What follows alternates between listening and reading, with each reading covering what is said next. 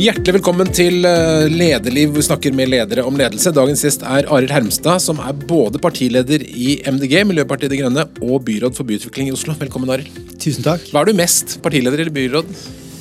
Eh, Nå må jeg være mest partileder fremover de neste ukene. I hvert fall frem til valget. Ja, garantert. Eh, Hvordan eh, vil du oppsummere sommeren? Er Du har vært rundt omkring på og hilst på folket. Ja, jeg har jo eh, vært bortreist mye, fem uker. To av de med, bare med politikk, 24 timer i døgnet. Eh, og, men de tre andre var heller ikke helt sånn rolige. Jeg var påkoblet. Jeg har knapt glemt et eneste passord i løpet av sommeren. Så det betyr jeg har jo ikke vært så veldig frakoblet. Har du stjålet noen solbriller eller noe annet? Jeg har ikke stjålet noe. Um, vi hadde lang, vi kjørte rundt med campingvogn, så vi regnet veldig nøye på at vi aldri kom over 3500 kilo på vogn og er veldig nøye, altså. Ja, at vi ikke, ja. Mm. ja, så, og det var også flere i partiet som viste omsorg for at det var viktig. Hva tenker du om eh, Moxnes håndtering av solbrillesaken? Eh, ja, det er jo ekstremt klønete, og så tenker jo jeg at han, han kunne vel stått i det hvis dette hadde skjedd en eneste gang. Eh, så er det jo opp til han hva han vil gjøre, tenker jeg. og den beslutningen han tok, var sikkert den rette for han. Men det er vanskelig for oss som Jeg har jo aldri valgt Moxnes, så liksom hvordan de organiserer seg og hva han mener om det sjøl, det er jo opp til han. Og så er det noen andre statsråder som har fått litt trøbbel på, på habilitet. Er det, for, har du forståelse for at det kan være lett å gi fordeler til venner og kjente? Jeg har egentlig ikke det, altså. Jeg syns eh, Det er jo habilitetsregler som kan være kompliserte, men eh, når man sitter og styrer landet, så må man tenke over at man har et ansvar for å ja, styre på vegne av de som har valgt deg, og ikke på vegne av uh, noen i bekjentskapskretsen. Det er ikke derfor man skal ta politiske verv. Men nå har jo Støre mistet fire statsråder, pluss en annen i hvert fall som har fått ripe i lakken, minst én, eh, fordi de har gjort dumme ting. Altså, Hvorfor gjør smarte politikere dumme ting? Nå er du ikke psykolog, da, men men du er politiker. Hva tror du skjer? Altså, det går jo en lang linje fra stortingsleiligheter til eh, Noe av det handler om kultur. eh, Noe av det handler om at mange føler at de uh, ofrer mye. At de på en måte eh, bruker mye tid på dette, og at det er komplisert og vondt og vanskelig. Men jeg, jeg liksom, det er ikke synd på en eneste politiker. Vi velger sjøl å bli politikere, og det må vi eh, ta veldig på alvor. For det, eh, vi er helt avhengig av at folk har tillit til oss, eh, og da mm, Jeg vet ikke om det mm, Jeg har ikke noe mer vettugt å si enn at eh, man må styre unna. Man må bekjempe den type ukultur hvis man ser det og er politiker sjøl. Vi kan ikke holde på sånn. Men er det slik, altså nå, nå kom du på sykkel litt i dag, men er det sånn at fordi du er MDG, så må du, oi, da må du helst ikke bli sett i dieselbil? og Altså, er, må man passe veldig mye på alt man gjør når man er politiker? Ja, det må man.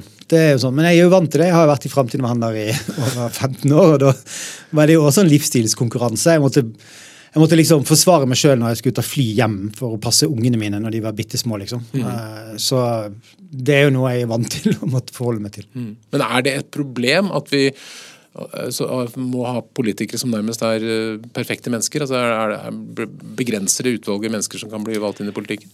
Altså Det som er et problem, er jo at sånne som jeg slipper stort sett billigere unna. Fordi at jeg er mann 50, heterofil, hvit.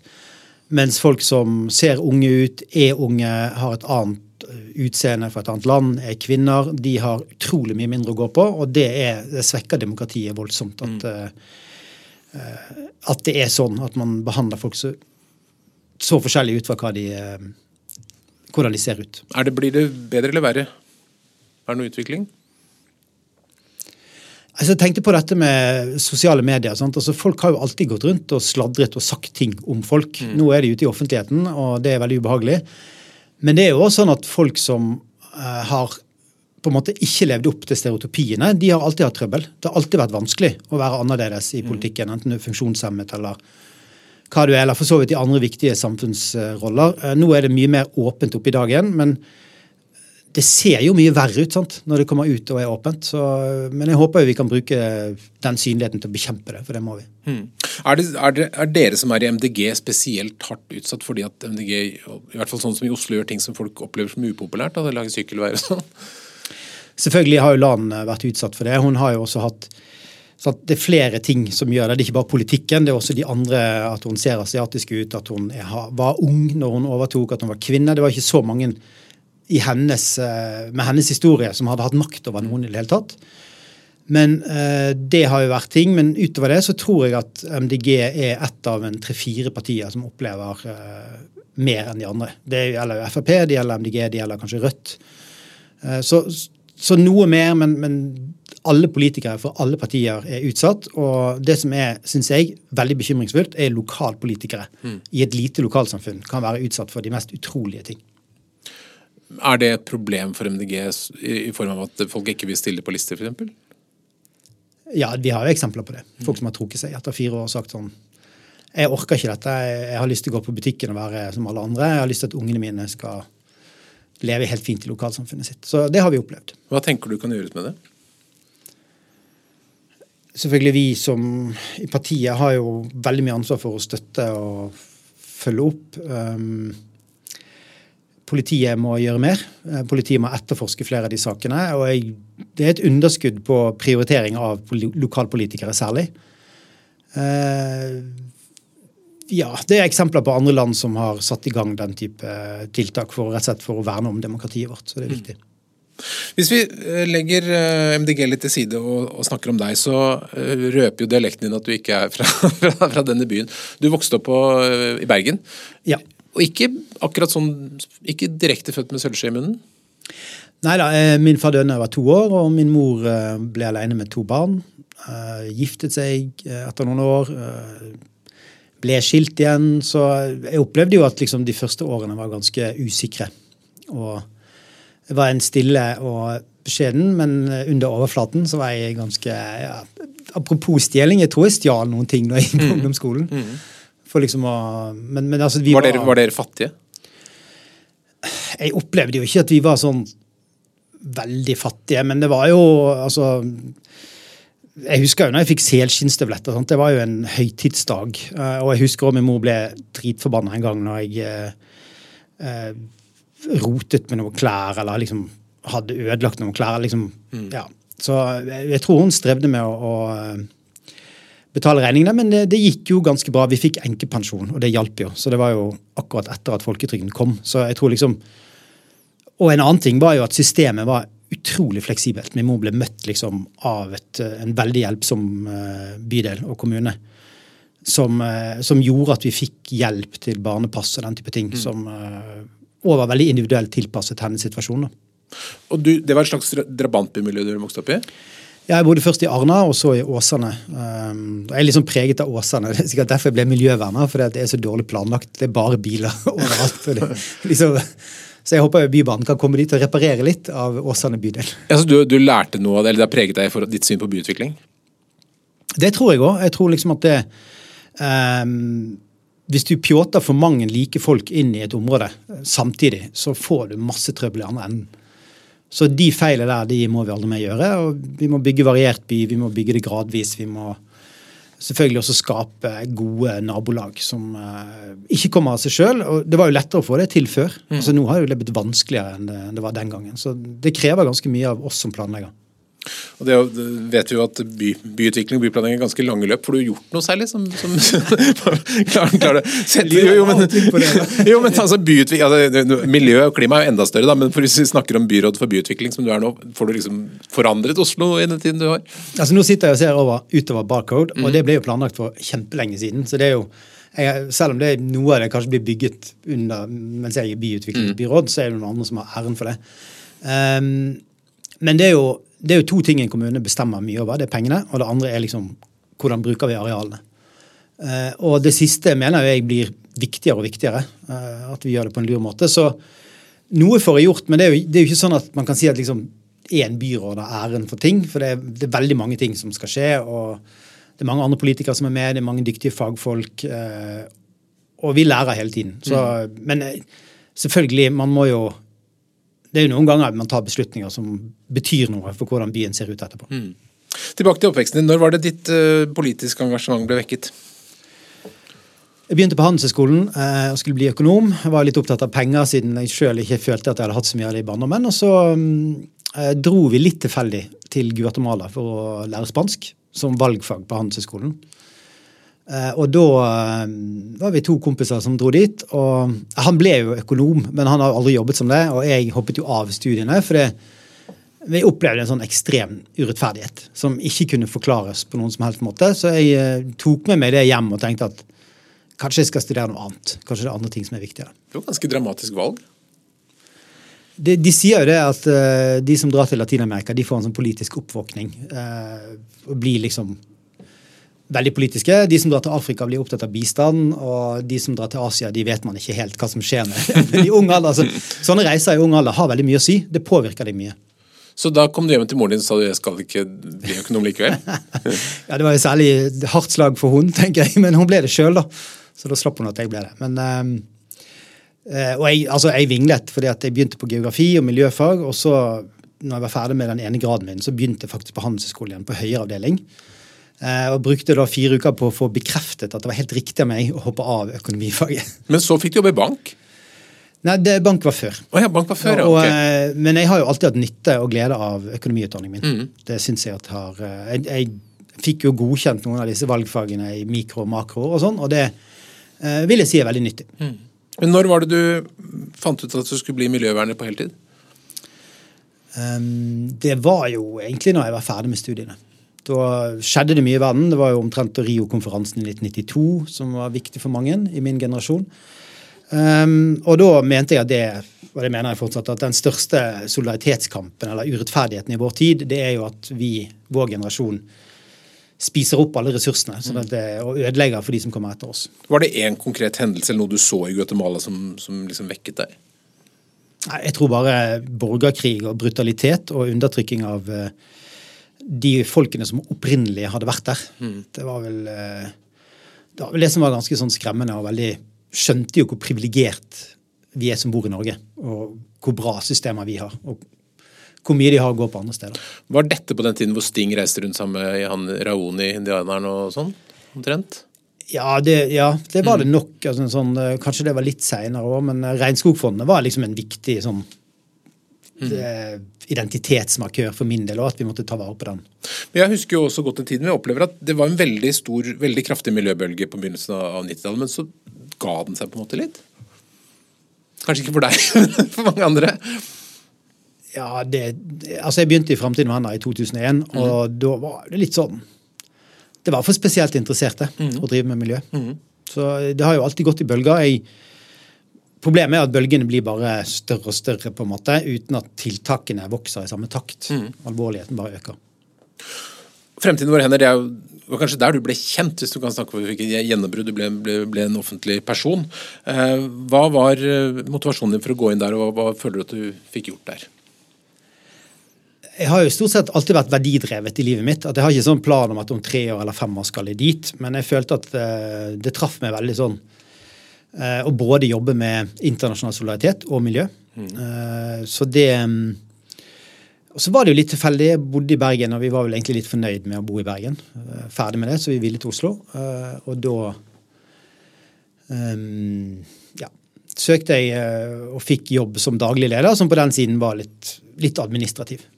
Så liksom hvor det skulle ende, hadde jeg jo ingen formening om da jeg begynte. da. Og Lå det i det da mest ambisjonen med å jobbe med, med de riktige tingene, eller ville du gjerne bli leder? Jeg var mer nysgjerrig på lederskap. Jeg hadde jo ikke noe veldig eh, erfaring fra å være det. Jeg, hadde jo, jeg var daglig leder i et lokalt miljøforum i Bergen. Men jeg hadde jo til tider én eller to ansatte, så det var ikke noen sånn stor lederutfordring.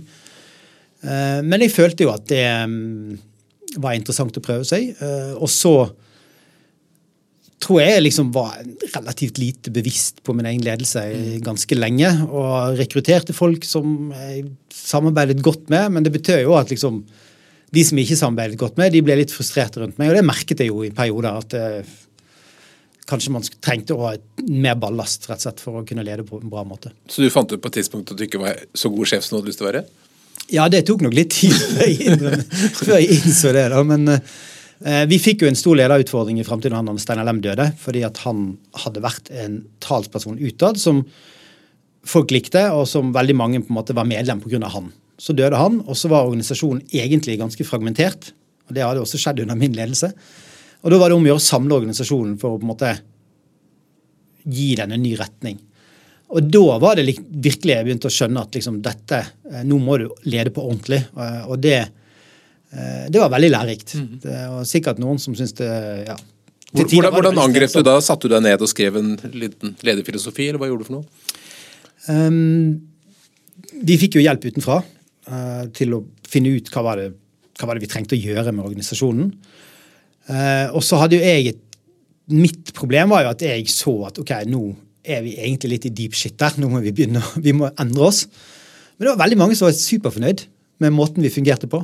Eh, å få med de på det, det var, det var tungt. Og så lærte jeg òg en ting. Det var jo at de som ofte yter størst motstand, det er dine sterkeste støttespillere etter at endringen er gjort. Mens de som på en måte alltid har liksom sagt at ja, dette går fint, og jeg er med, de, de har egentlig bare tenkt å fortsette som før. Så de tar ikke, av og til da, så tar ikke de inn over seg at nå gjør vi en endring, og det betyr eh, veldig mye for hvordan jeg skal jobbe. Så det er jo veldig nyttig å lytte veldig nøye til de som faktisk er motstandere, og som gir deg mye tøff eh, kamp på klingen om hva du skal. Det, det Så, så den motstanden er på en måte verdifull, tenker du? Ja, altså det å omgis med folk som bare sier ja og ha, det, det er stagnerende. altså. Det fører ikke til god utvikling. Men hvordan, hvordan kommer man seg liksom, til samling og enighet og får alle med, da? Nei, Vi hadde jo, vi måtte ha styrebehandling hvor det var uavgjort første gangen. på En av de aller viktigste tingene vi gjorde. Eh, og Da måtte vi ta det opp igjen en gang til. og Jeg måtte jo bare stå i det. og Det, det jeg også lærte, var jo at hvis du vil gjøre endringer som leder, så kan du det, men da må ikke du prøve hver dag. Du må lage deg en plan for hvor du skal være om ett eller to eller tre år. Og så hele tiden sjekke at du er på vei dit. Eh, Så det, det hjalp meg egentlig mye. Slapp unna sånn kortsiktig frustrasjon over folk som ikke ville gjøre det jeg mente at de burde gjøre. Så kort og godt at ting tar tid. Ja. Det tar dessverre litt for lang tid. Hvordan blir du, hvordan blir du når, det, når du ikke får med deg folk? Uh, nei, jeg syns jo at det, nå takler jeg det mye bedre, på en måte. Uh, og, men det er klart at noen ganger får man jo Man må virkelig telle inni seg, og man må ikke sende den e-posten, og man må minne seg sjøl om det er mye, da. Så min, altså, min tendens er jo at det da blir litt sånn åh, Og så Ja. Og det tror jeg, Særlig de første årene som leder, så kjente jeg jo på det. At det liksom Sett i retrospekt så burde jeg vært flinkere til å på en måte også lytte og ta inn over meg hvorfor er det jeg får den motstanden. Det tror jeg mange ledere opplever. Altså det at man etter hvert skjønner at man burde vært litt mer avslappet. Men det har vel noe med kanskje hvilken autoritet man føler som leder òg? Ja, og det er jo det som, det er derfor det aldri er synd på en leder. fordi at, eh, sant, Jeg kan jo tenke sånn å nei, nå har ikke de tenkt godt nok, eller de er ikke strategiske nok, eller de er for dårlig organisert rundt meg. Men så er det sånn OK, hvem er det som skal fikse det, da? Det er alltid din skyld. faktisk gjøre det. Så det, ja.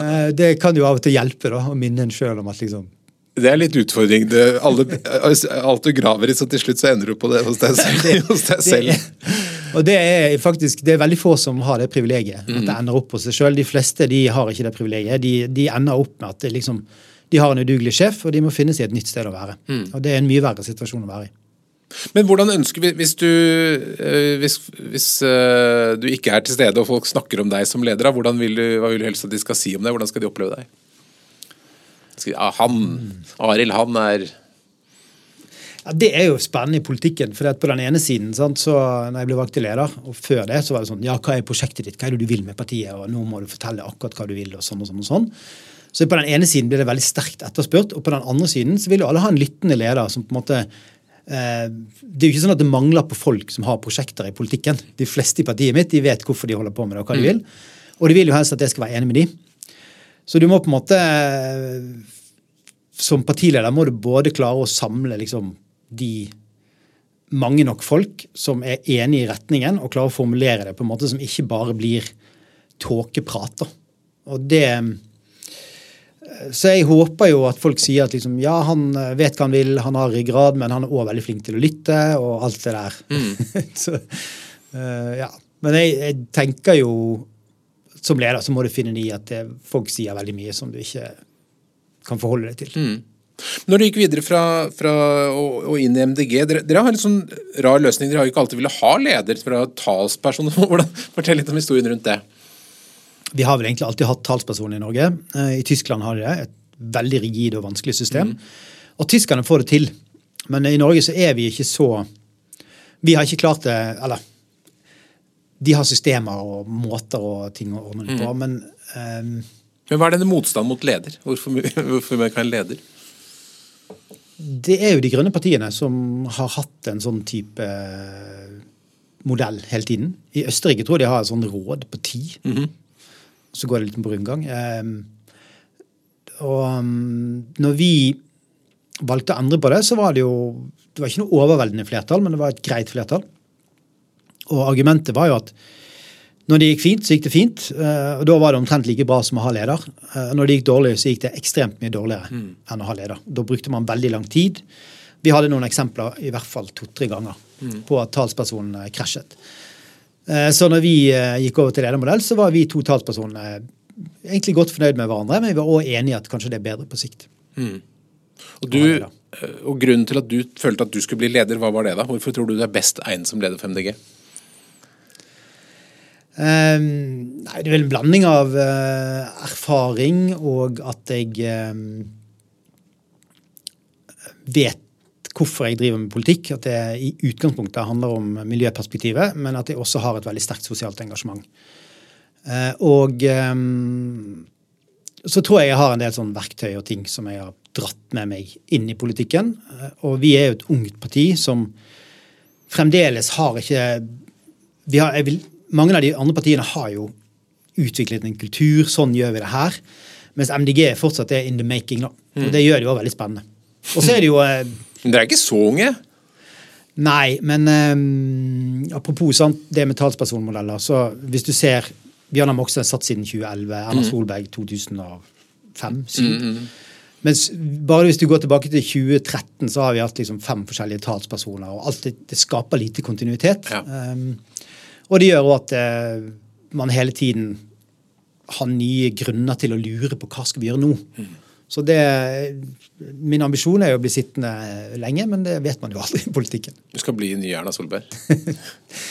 ja, Det er kanskje litt voldsomt. Men eh, Erna Solberg har jo én ting, eh, og det er at hun har stamina. Hun holder ut. Mm. og Av og til så tenker jeg i politikken så er liksom de som får gjort det de skal, det er de som holder ut lengst. Mm.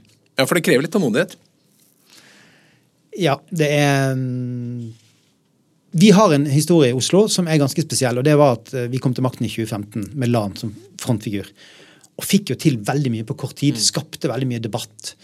Eh, og det tror jeg kanskje av og til nesten en sånn liten hemsko for oss. For vi tenker at vi skal gjøre akkurat det samme nasjonalt og alle andre steder. Men eh, det tar, det tar, litt lengre tid. Jeg er veldig veldig stolt over det vi har fått til i Oslo. Vi skal selvfølgelig fortsette med det. Men det er ikke sånn at du kan bruke det som modell på nasjonalt nivå, eller for så vidt i alle andre byer heller i landet, eller alle andre mm. lokalsamfunn. Og så hadde du jo eh, valget for um, to år siden, 2021, stortingsvalget, da fikk dere inn tre representanter. Men dere hadde jo ønsket dere mer. dere, hvordan, hva, hva, gjorde dere ikke bra nok? Hva var det som ikke gikk helt som det skulle i stortingsvalget? Vi gjorde veldig mye bra. Det tror jeg er viktig å si. Uh, vi hadde masse selvtillit, og vi fløt jo på én måte på denne kode rød-bølgen som da kom, som var en sånn Eh, og så um, undervurderte vi de andre partiene sin evne til å på en måte både gjøre oss litt sånn lite attraktive, men også til å snakke om liksom, ja, vi har de og de løsningene. Eh, og folk trodde jo på Erna og Jonas, særlig Jonas, som liksom Dette skal vi fikse. Jeg har sett barnemann inn i øynene. Mm. Det eh, Vi hadde nok ikke gode nok eh, planer for hvordan skal vi håndtere de ulike tingene som kan skje i en valgkamp. Mm. Så det var litt mye autopilot uh, på slutten tror jeg, av valgkampen. Og så, Det er jo veldig små marginer. Det var 0,06 Ganske irriterende?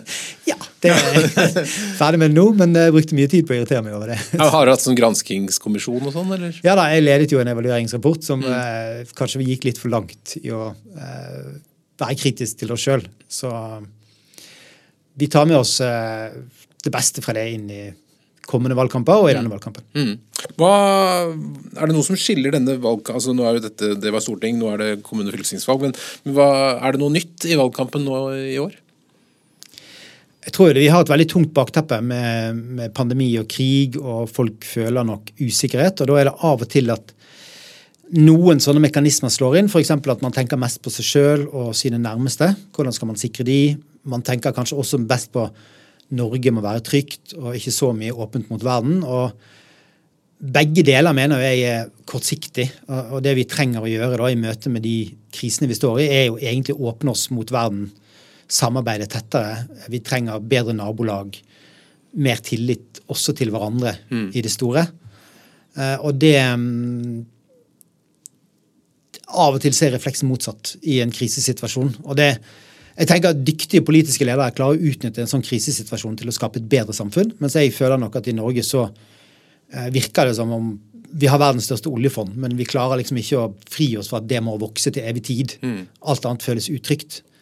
Eh, og vi opprettet oljefondet for å ha det i krisetider. sånn liksom, Vi kan endre på mye i samfunnet vårt og likevel ha det trygt. Nå har vi hatt en sommer med mye rart vær og ekstremt nedbør og det ene andre, er, er, som jo mange hevder har med klima å gjøre. Er det en, altså det er en dårlig ting, selvfølgelig, hvis det, hvis det skyldes klima, men, men er det en bra ting for dere? Det tror jeg vel er vanskelig å si. Um, på den ene siden så er det jo åpenbart at folk får et nærmere forhold til hva klimaendringene til å, kan komme til å bety for oss, hvis ikke vi gjør noe raskt. Uh, på den andre siden så er det umulig å vite hva som får folk til å stemme på det ene eller det andre partiet. Det er jo gjort masse forskning, hvordan vinne valg og i det hele tatt. Det er jo ingen som sitter på fasiten. Eh, Så jeg tenker det eneste vi kan gjøre, er å komme med våre løsninger, snakke om våre verdier og hva som eh, Hvorfor det er bra med, altså hvorfor samfunnet blir bedre med MDG sin politikk. Og det må vi gjøre helt frem til valgdagen, og så er det opp til velgerne å bestemme. Men dere er jo da masse mennesker, mange forskjellige små lokale lag og lister her og der. Så, ta oss litt inn om Hvordan er liksom valgkampen organisert slik at MDG fremstår sånn rimelig samordnet og, og koordinert eh, frem mot hele september? Jeg husker en lederkollega en gang som fortalte om at eh, organisasjonen han ledet, det var en haug med båter. Bitte små båter som alle fløt rundt i forskjellige retninger. da, da er det klart at da klarer ikke du få alle om bord på ett skip som skal gå i samme kurs. Eh, men jeg tenker sånn eh, Vi er på en måte mange ulike båter i ulik størrelse, og målet må være at vi drar ca. i samme retning. Og hvis du prøver å få et politisk parti til å fremstå som sånn enhetlig, og nå skal alle gjøre sånn, så er ikke det MDG sin sjel. Vi er et mangfoldsparti, og det skal vi også være. Og det skal være rom for at man mener forskjellige ting. Um, men det er klart, altså, vi gjør jo selvfølgelig mye på merch og på budskap som vi prøver å uh, tilby og fortelle at her er det som partilederen nå sier, her er det vi skal uh, ut med nå. Eh, men det er jo igjen tilbud, og det er viktig at vi Som jeg pleier å si, altså, hvis du mener noe veldig sterkt om skole, og det ikke stemmer helt med partiprogrammet, så jeg tror jeg veldig mange stemmer på deg fordi at du har et engasjement som er ekte. Eh, og det er jo også viktig at vi eh, skal jo ikke ja, Man skal jo ikke bryte med prinsipprogrammet vårt, men det er rom for å mene forskjellige ting i partiet. Men er det slik at dere da har en del hovedbudskap som dere nærmest markedsfører ut i organisasjonen? Bruk dette, bruk dette, og så plukker folk det de vil ha? Ja, vi prøver det. Eh, Vi prøver det på e-post. Eh, Vi har jevnlige møter, særlig på våren, hvor man diskuterer ting. Vi har landsmøte hvor man prøver å samle ting. Men eh, det er jo en dynamikk i en valgkamp som er veldig vanskelig å spå. Sånn at plutselig så, så må partilederen ut og si noe som ingen visste at han skulle si. Og da blir det sånn Oi, hva skjedde nå? Det, er det, det tror jeg skjer med alle partier i alle valgkamper. Og da får du ras av SMS-er fra hele landet, eller? Eh, nei, det gjør man ikke nødvendigvis. Men det kan likevel være litt sånn folk som eh, ikke er helt fornøyde. Men eh, det er jo det viktigste som jeg tenker da, at man klarer å gå samlet inn i en valgkamp, snakke om det mest mulig.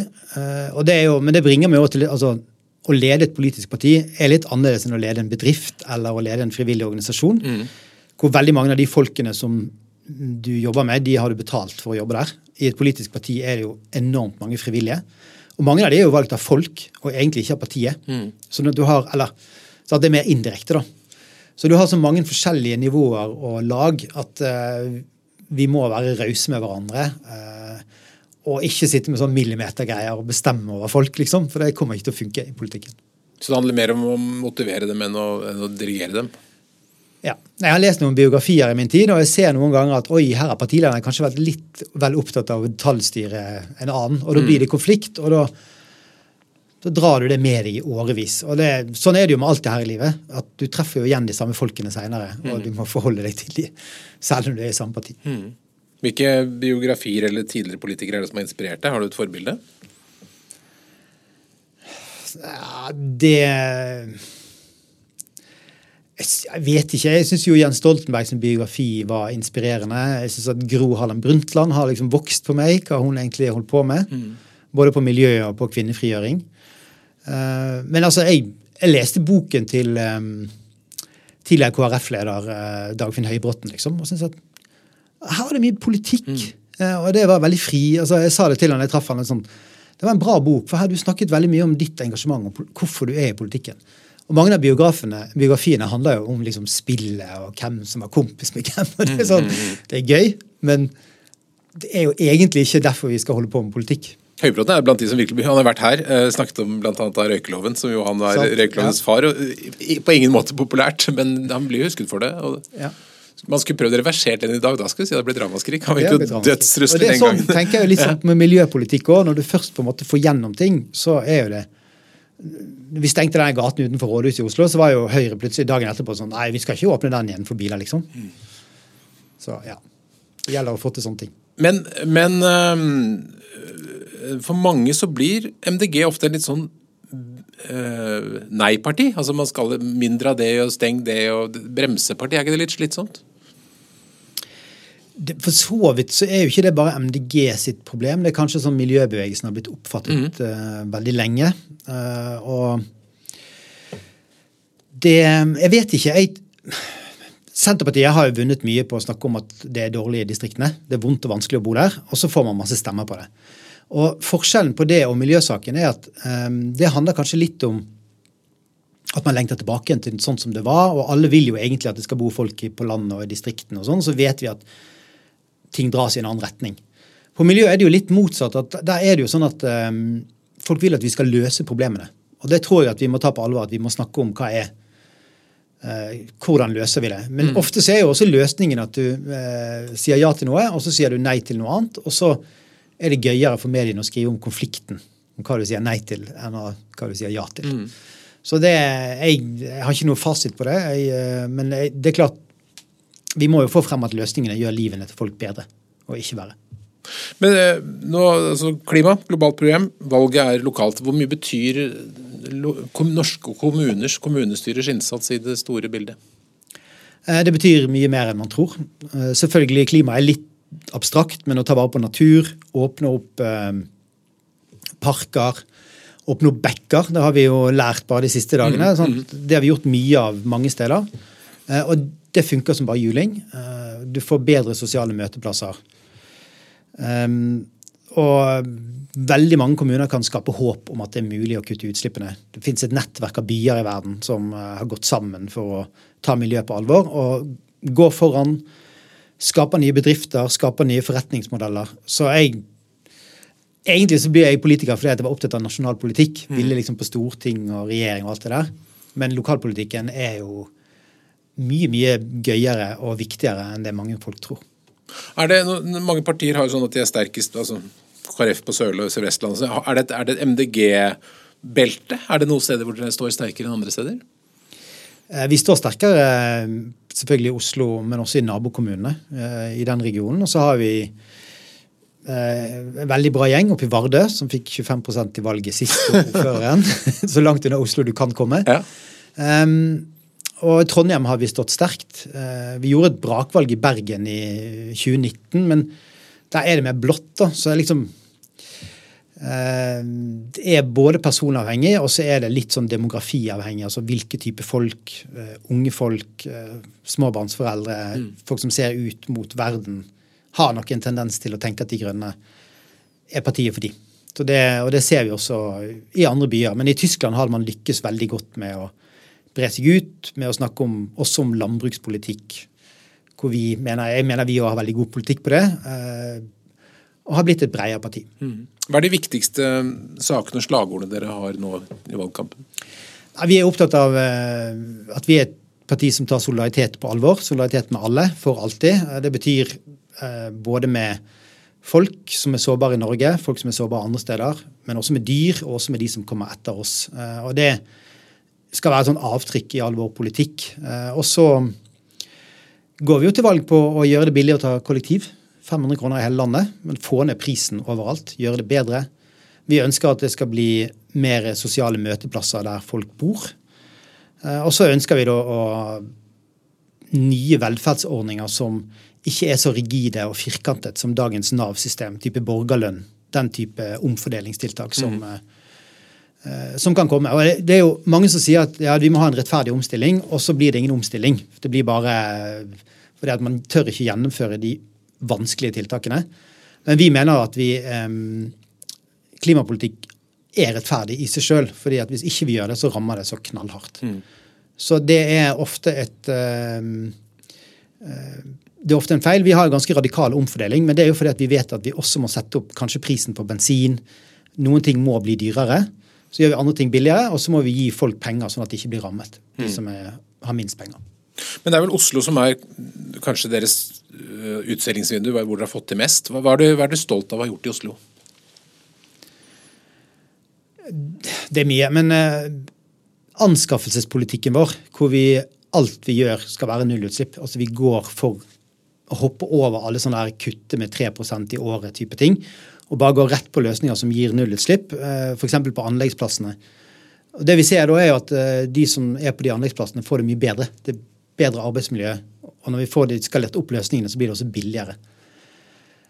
Så det er jo og så tror jeg òg det her med å um, åpne opp bekker, mm. skape gode felles byrom, har vært viktig. Og selvfølgelig sykkelveiene er veldig synlige. og jeg Parkeringsplasser. Jeg er nesten inhabil ja. til sykler. ja. ja, for du er ganske over middels interessert i sykkel. Ja. ja først og fremst fordi det er genialt for å komme seg enkelt og fort frem. Men er det, altså det er jo fint her, det, det, funker bra i Oslo. Men det er jo ikke, hvis man reiser litt rundt i landet som du gjør til sommer, så ser man jo at sykkel er ikke løsningen for Norge totalt sett. Nei, og det bringer meg til at det vi egentlig gjør i norske lokalsamfunn, er å gjøre livene bedre for de som bor der. Eh, og Oslo-løsningene passer ganske dårlig på Tynset. Um, så det er viktig. Og så er det jo Du kan jo også se sånn, hvis du ser uh, Ringebu i Gudbrandsdalen, mm. hvor de har stengt hovedgaten og åpnet den opp med kafeer og utebutikker og sånt, så er det noe som gir uh, sosialt møteplass. Så det er jo ikke altså Oslo-løsningene passer ikke overalt, men det er mange av de løsningene som man tester ut andre steder, som også kan passe i Oslo, mm. og vice versa. Men dere eh, regjerer jo sammen med Arbeiderpartiet i Oslo og trives godt med det. Går til valg igjen. Eh, samtidig så er du ganske kritisk til Arbeiderpartiet på regjeringsnivå. Det er ikke alt du er happy med. Hvordan, hvordan, er det å være, være liksom venn og fiende med Arbeiderpartiet? Ja, men Apropos lederskap, så syns jeg jo Raymond Johansen er en uh, han er jo, Jeg glemte kanskje å nevne det, men han er jo også en, et forbilde, siden jeg har jobbet tett med han i over to år mm. snart. Og det, han er flink til å holde laget samlet og snakke om hva er prosjektet vårt. Og så er han også raus og forstår at når jeg er partileder, så må jeg av og til uh, være tydelig overfor regjeringen. Mm. Og jeg opplever jo at Oslo-partiet til Arbeiderpartiet dessverre har mindretall i sitt parti, og at det foregår en maktkamp i Arbeiderpartiet om liksom hvor grønn man skal være. Mm. Så det det går greit, men det er klart at det, det, er jo alltid litt sånn krevende i en valgkamp hvor man skal være venner også, samtidig som man skal drive ganske hard retorikk mot hverandre. Men eh, i Norge så har vi det ganske fint sammen når partiledere møtes. og men, men, det snakkes jo veldig om at vi skal nå klimamålene osv. Men samtidig så er det noen prosjekter altså på eh, veiutbygginger på, i Gudbrandsdalen og Ringeriksbanen. Det er mange prosjekter som jo man kan lure på om man, forholdet mellom ord og handling. Det er jo det som kjennetegner både denne og den forrige regjeringen, er at man snakker veldig fint, men man leverer ikke når det kommer til stykket. Og noen ganger så tenker jeg at sånn Er det kommentarfeltet de er redd for? Eh, den kritikken de ja, det er av og til lurer på, er De er mer redd for kritikken mot tiltakene enn de er redd for klimaendringene. Og jeg, vi har en dårlig sirkel, vi har kommet inn i en slags ond sirkel i Norge hvor vi ikke når klimamålene våre, og så fortsetter vi å love, og så skjer det ingenting, og så blir folk sånn Ja, men det er klima, det kan jo ikke være så viktig siden vi ikke når målene våre. Så det må vi rett og slett komme oss ut av, og Arbeiderpartiet sitter med nøkkelen. og men er det håp? Klarer vi å kutte så mye som vi har sagt at vi skal? Altså Den dagen liksom, det er ikke håp lenger, så da får jeg heller gi meg. Ja. At, vi kan tenke at det er et håp langt fremme, men vi har jo noen mål sånn til 2030 og sånt, som jo haster ganske mye. Denne regjeringen begynner å få ekstremt dårlig tid, og den gjør, som du også sa, da, mange feil ting. Altså Det er feil å åpne nye og leite etter mer olje og gass. Det er feil å bygge nye motorveier, planlegge nye flyplasser med kapasitetsutvidelser osv. Vi kan bruke de midlene og de, den kompetansen på å løse masse problemer som vi nå står midt oppi. Så De må slutte å gjøre feil ting, og det, de har um, holdt på å si et kvarter på seg. De skal få det. Kanskje litt mer. Men altså, eh, det må jo gå opp et lys for noen i den regjeringen snart, hvis det skal være håp. Men jeg synes å merke et skifte fra at folk selv må ta et veldig stort ansvar til at nå sier ja, dette må myndighetene fikse. At man liksom håper å si outsourcer ansvaret litt. Er, er det noe du også leser? Det var jo derfor jeg uh, sluttet å være i miljøbransjen. For jeg mm. følte at uh, miljøorganisasjonene vi jobbet jo både for å bygge en opinion og få med oss folk, men også for å få gjennom politiske vedtak på Stortinget. Og jeg opplevde da et par ganger at uh, vi hadde gjort en kjempejobb, uh, og alle var for. Og så var vi plutselig vekke i 14 dager, og så hadde de bare glemt hele vedtaket sitt. Og så ble det ingenting av. Så da tenkte jeg ok, da eh, må jeg inn i politikken. Det er nok folk som er for miljøtiltak. Det er nok bedrifter og næringsliv som er for det, men politikerne holder igjen. De tør ikke, og de er eh, Jeg inkluderer selvfølgelig ikke meg sjøl i det, men altså det politiske flertallet har eh, til nå ikke vist det motet som veldig mange forventer at de skal gjøre. Mm. Så Man hadde forventet hvis det var andre kriser. Under korona vi fikser det. Under Ukraina-krigen så gjør vi tiltak, men under klima så er det liksom det er noe, Kanskje det er noe med tregheten, hva vet jeg, men vi må faktisk begynne å mobilisere på lik linje som vi gjorde under koronakrisen. og si sånn, Vi trenger ikke stenge hjemmene. Vi, altså, vi kan til og med gjøre livene våre bedre, men vi må faktisk gjøre noe annerledes for å få dette til. Det var en som hadde en bra kronikk om, i forbindelse med Oppenheimer om parallell til utvikling av atombomben, hvor man satt inn de fremste forskerne og brukte uendelig mye penger for å få til noe. At man kanskje burde gjort tilsvarende med klimaet i dag. Ja, Det er sånn, det var jo ingen som lurte på om det var lønnsomt å gjøre det. Men det første spørsmålet du får hvis du skal løse klimaproblemet, sånn, ja, men hvor mye koster det? Mm. Ja, men Vi har noe annet som er billigere, la oss heller gjøre det. Og så gjør man det heller. Og Hvis du hadde gjort det samme i en krig og så sånn, ja, Hvor mye koster det å stoppe Russland? Vi må først regne ut det. Mm. Da vet vi jo hvordan den krigen hadde endt. Mm. Men øh, hvis vi leker litt med Selv om vi skal snakke kommunekamp og, i, år og sånn. Hvis, nå, hvis det hadde vært stortingsvalg og du hadde blitt valgt statsminister, dere har fått hele regjeringen, fullt flertall i Stortinget, hvordan hadde liksom Norge sett ut? Hva er det MDGs drømmeland? Hvordan ser det ut? Det viktigste var jo selvfølgelig å gjøre alle de populære klimatiltakene ganske fort. Og rulle de ut. Og så Hvilke er det? Det er jo billig kollektiv, det er å fjerne frukt og grønt, det er å fjerne moms på reparasjon, kanskje mm. til og med subsidiere den type ting. Ja. Uh, og selvfølgelig å sørge for mer penger i lommeboken til de som Du sa fjerne frukt og grønt, du mener fjerne moms på frukt og grønt? Det, ja, ikke fjerne frukt og grønt. Fjerne moms på det. Ja, ja.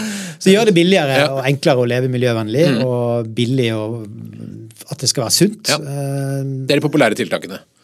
Populære tiltak. Sykkel er jo populært når du bare får uh, innført det. Og så eh, måtte vi jo parallelt starte et eh, plan for å fase ut norsk olje og gass, og fase inn havvind, solceller, hydrogen, masse andre løsninger som vi da egentlig har. Mm. Som jeg tror også eh, ville blitt populært når vi bare kom i gang. Mm. Eh, I Tyskland så gjorde de det på et kull. Og de har jo endt med å fremskynde datoen. Sånn, først var det 2038, og så ble det 2030. sånn at Um, når du først lager deg en plan og ser ok, dette kan vi faktisk gjøre, så kan du oppskalere tempoet. da. Um, ja, og så vi har nok, altså, Det er jo litt urealistisk sånn på kort sikt. så vi har ikke, har ikke alle planer, planer klare. Nei, nei. Men, men, ok, da tar vi det ned igjen til kommunevalget. da. Så, så eh, hvor, eh, Du sier at det er ingen som har den totale oppskriften på å vinne valg, men, men dere har vel noen tanker? Når er det slaget står? Er det de siste dagene? Er, er det er fundamentet dere har bygd over flere år? eller Hvordan funker dette nå? Det kan skje en god del de neste par-tre ukene. Og så tror jeg at ting faller litt tilbake til normalen på slutten av en valgkamp. Men eh, det vi ikke har opplevd i Norge, som man har opplevd i mange andre land, er jo store velgerforflyttinger. Norge er jo utrolig stabilt. Mm. Det, er, det, er, vanskelig å komme over sperregrensen. Eh, I lokalvalgene er det litt forskjellig. Der kommer det av og til en sånn sak da, mm. som får mange til å stemme på mm, mm, mm, bompengepartiet. Um, så jeg tror jo egentlig for vår del er det liksom de neste ukene som, hvor det gjelder å få sette dagsorden. og Egentlig så skal jo alle snakke om dine saker, men det opplevde vi i 2021. da var vi akkurat der. Alle snakket om vår sak. Eh, allikevel så klarte ikke vi liksom å innkassere den seieren. så det liksom... uh, Hva skyldes det? Er det fordi folk ikke stoler helt på at dere vil, eller står man ikke ved det man sier, eller hva tror du liksom er grunnen til at folk backer ut? Ikke, ikke liksom at det ikke er samsvar mellom hva folk mener og hvordan de stemmer? Nei, altså jeg tror jo i nasjonale valg er det nok litt, folk er litt mer risikoavers enn de er i lokalvalg. Eh, og helt på slutten så tenker man kanskje på kongen og krigen og fedrelandet og, og sånne ting, som gjør at man da De fleste bryr seg jo ikke om politikk. Uh? Det er liksom det blå partiet og det røde partiet. eh, og det, det er det de klarer, på en måte. Og så så det, det må man jo ha respekt for. men Igjen, det er bare å holde ut, fortsette. Jeg vet at i dette århundret så er den viktigste saken vi skal få til, det å fikse både klima og natur. Eh, Og da trenger du et parti som har den ideologien og det verdigrunnlaget og de løsningene som vi har. Og det eh, må man bare, selv om jeg nå begynner å bli litt en eldre mann, så må jeg bare ha respekt for at det tar mer tid enn det jeg trodde når jeg ble politiker for eh, ja, seks år siden. Syv år siden. Når trives du mest eller best i partilederrollen? Altså Jeg har den fordelen at jeg er veldig glad i folk. eh, Sånn at det å være sammen med alle disse partivennene, selv om jeg er uenig med dem, så eh, slår jeg fort en strek over det. Og så er det jo en, en lederutfordring som eh, er helt fantastisk. Fordi at du, du har ingen fasitsvar. Du må både være klare og få med deg folk og være tydelig, men også danne noen grenselinjer mot de andre partiene. Mm. Og så har jeg den gleden av å være mm, byråd, og da har du et byråkrati som er veldig profesjonelt, som jobber for deg. Eh, Og det er jo også selvfølgelig et superprivilegium. Så totalt sett så eh, Hvis du eh, har et så sterkt engasjement som jeg har, i hvert fall, så er det jo det beste man kan holde på med. Hvem er, de beste, hvem er den beste partilederen for de andre partiene? Hvem liksom, hvem har du mest respekt for? Altså, det er klart at Erna Solberg har en helt utrolig evne til å holde ut. eh, og det som eh, hun har vært flink til, er jo eh, Jeg er jo ikke så veldig enig med henne politisk, men har, partiet har fått frem veldig mange dyktige folk som er gode på å kommunisere og sannsynligvis gode til å styre òg, i hvert fall ut ifra det Høyre vil. Så det har han jo klart å skape i partiet en trygghet og en felles følelse. Så akkurat nå går de veldig høyt på meningsmålingene, og det, de lover selvfølgelig mye mer enn det de kan holde. Men den jobben med å få frem så mange flinke politikere, det har hun uh, klart. Og det er sikkert fordi han har holdt på så lenge.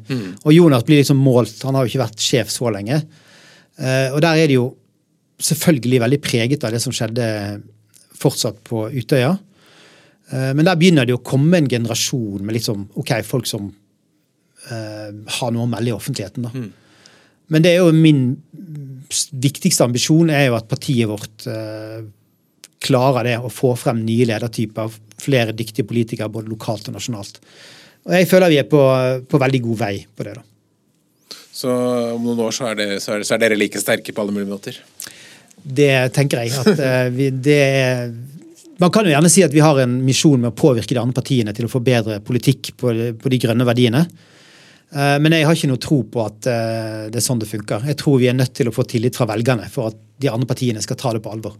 Så da må partiet vårt eh, også vokse langt utover det vi har sett i dag.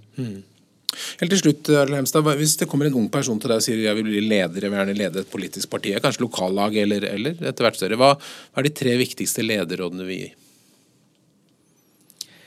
Mm, Det viktigste er at man